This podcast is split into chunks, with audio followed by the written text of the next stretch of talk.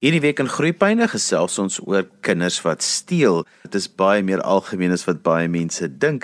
My gas om hieroor te gesels is ST Potgieter en hy's 'n sielkundige. ST as 'n mens daardie oproep van die skool af kry of jy kry dit van iemand af wat sê maar my kind vat ander kinders se goedjies en dit gebeur nogal 'n paar keer.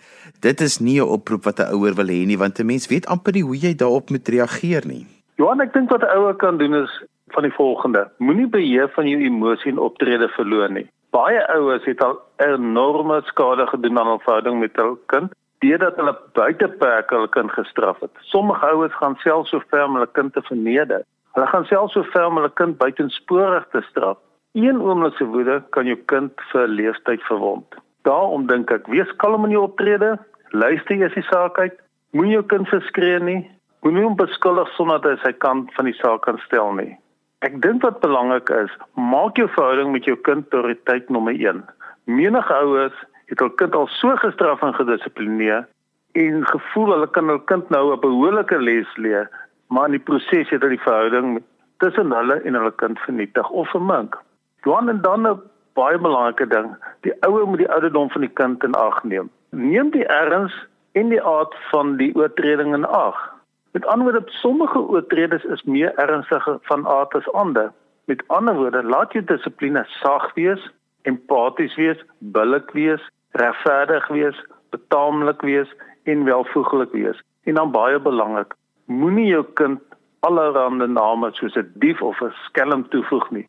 Maar fokus daarop dat hy sy gedrag nie aanvaarbaar sal wees nie.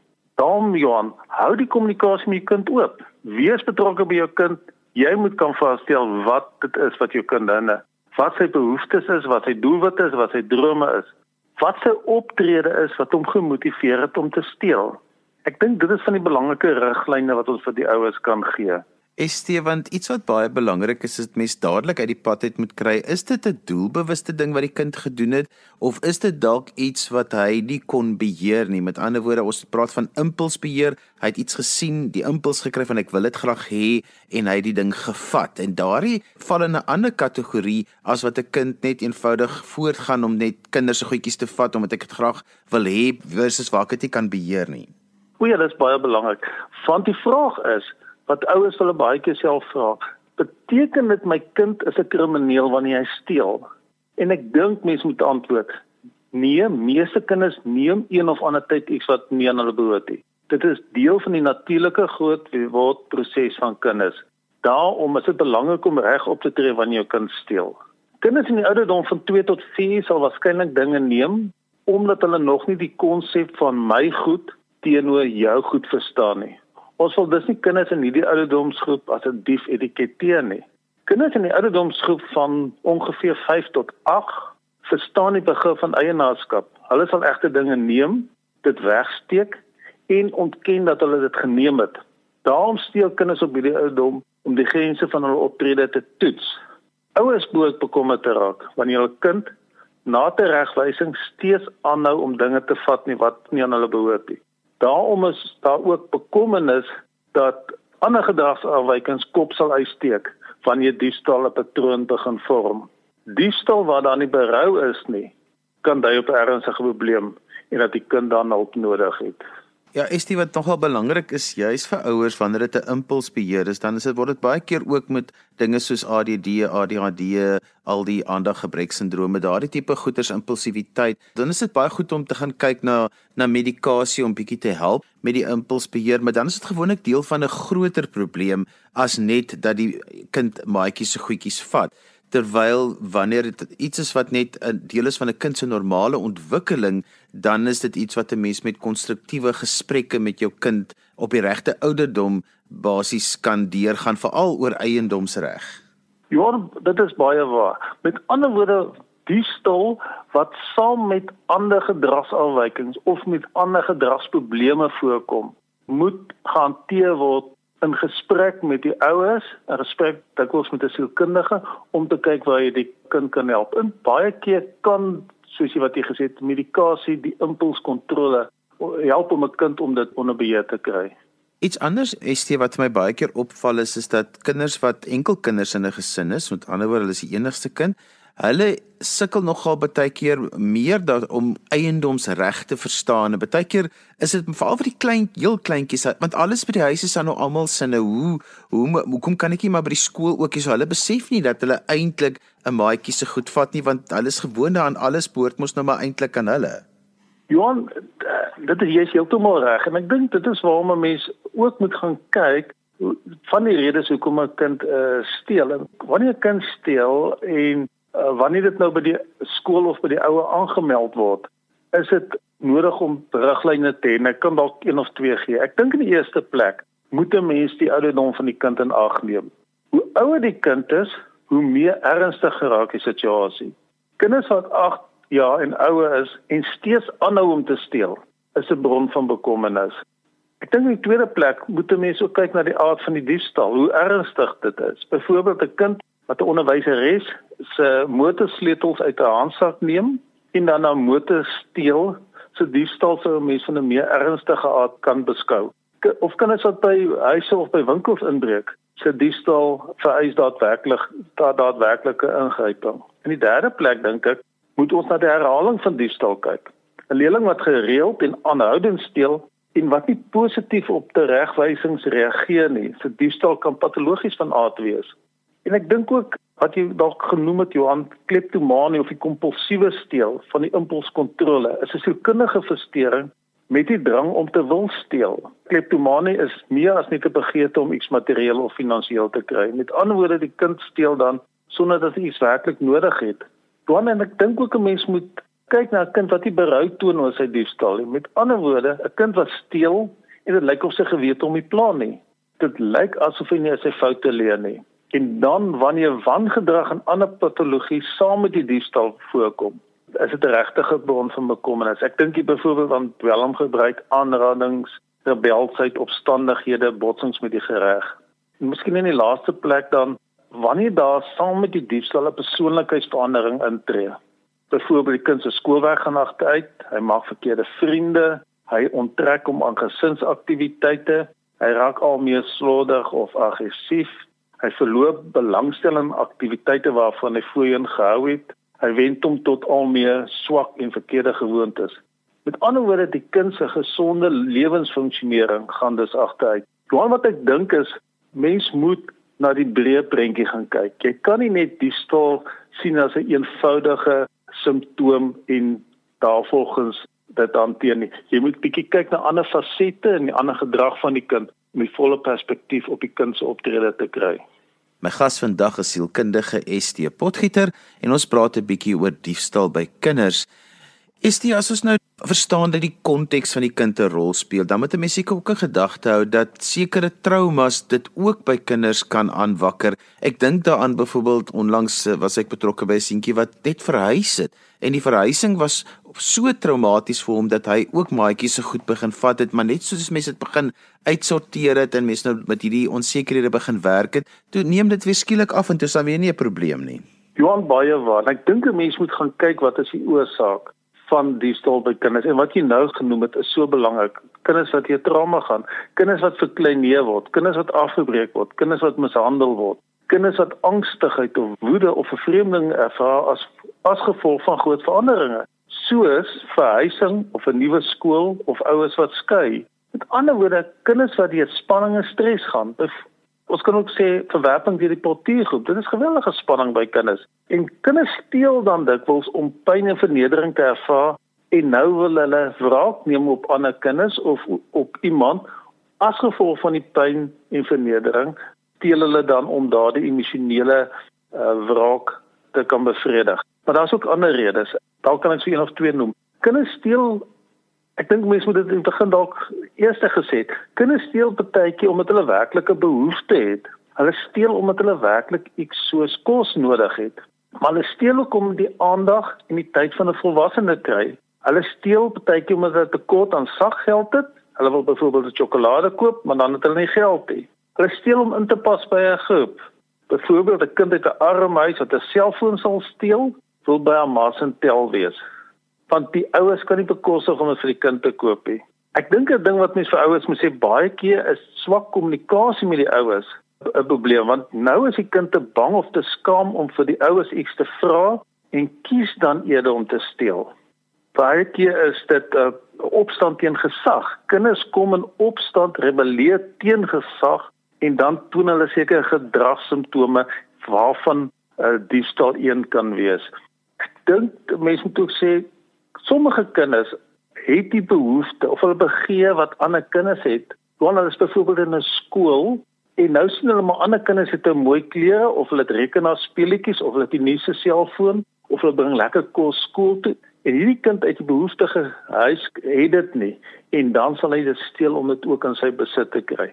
So ek dink die oorsaak of die rede hoekom kinders steel van drama tot by behoefte is 'n werklike komplekse situasie en 'n mens moet mooi daarna gaan kyk om agter te kom wat is die motivering vir die kind se optrede. Is dit hoe hanteer 'n mens dit want byvoorbeeld nou kom jou kind by die huis met 'n beertjie of 'n karretjie wat hy nou gekry het. Nou is jou eerste vraag is maar waar kom dit vandaan en dan is hulle antwoord gewoonlik maar 'n maatjie dit vir my gegee of die ene dit vir my gegee of het dit maar net daar rond gelê en op die ou end moet jy nou maar gaan seker maak maar het die maatjie dit regtig vir jou gegee? Al daardie tipe dinge hoe hanteer 'n mens daardie situasie? Want die kind self gaan eers probeer om dit maar net op 'n manier te regverdig sodat jy nie moet weet wat het regtig gebeur nie. Johan ek dink wat mense sou is moet sê, moenie beheer van jou emosies en optrede verloor nie. Want jy kan baie groot skade aan 'n kind se selfbeeld verrig deur jou kind nou te gaan beskuldig hy's 'n dief of hy maak so of hy doen dit nou verkeerd. Hanteer met ander woorde die saak op 'n reguit wyse, maar jy moet die nodige empatie en besorgdheid teenoor jou kind toon.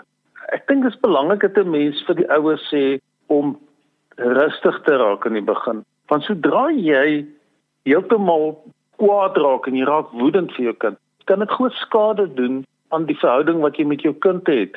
Ek sou sê volg die volgende prosedure. Verduidelik aan jou kind wat die impak van sy diefstal is, né? Nee?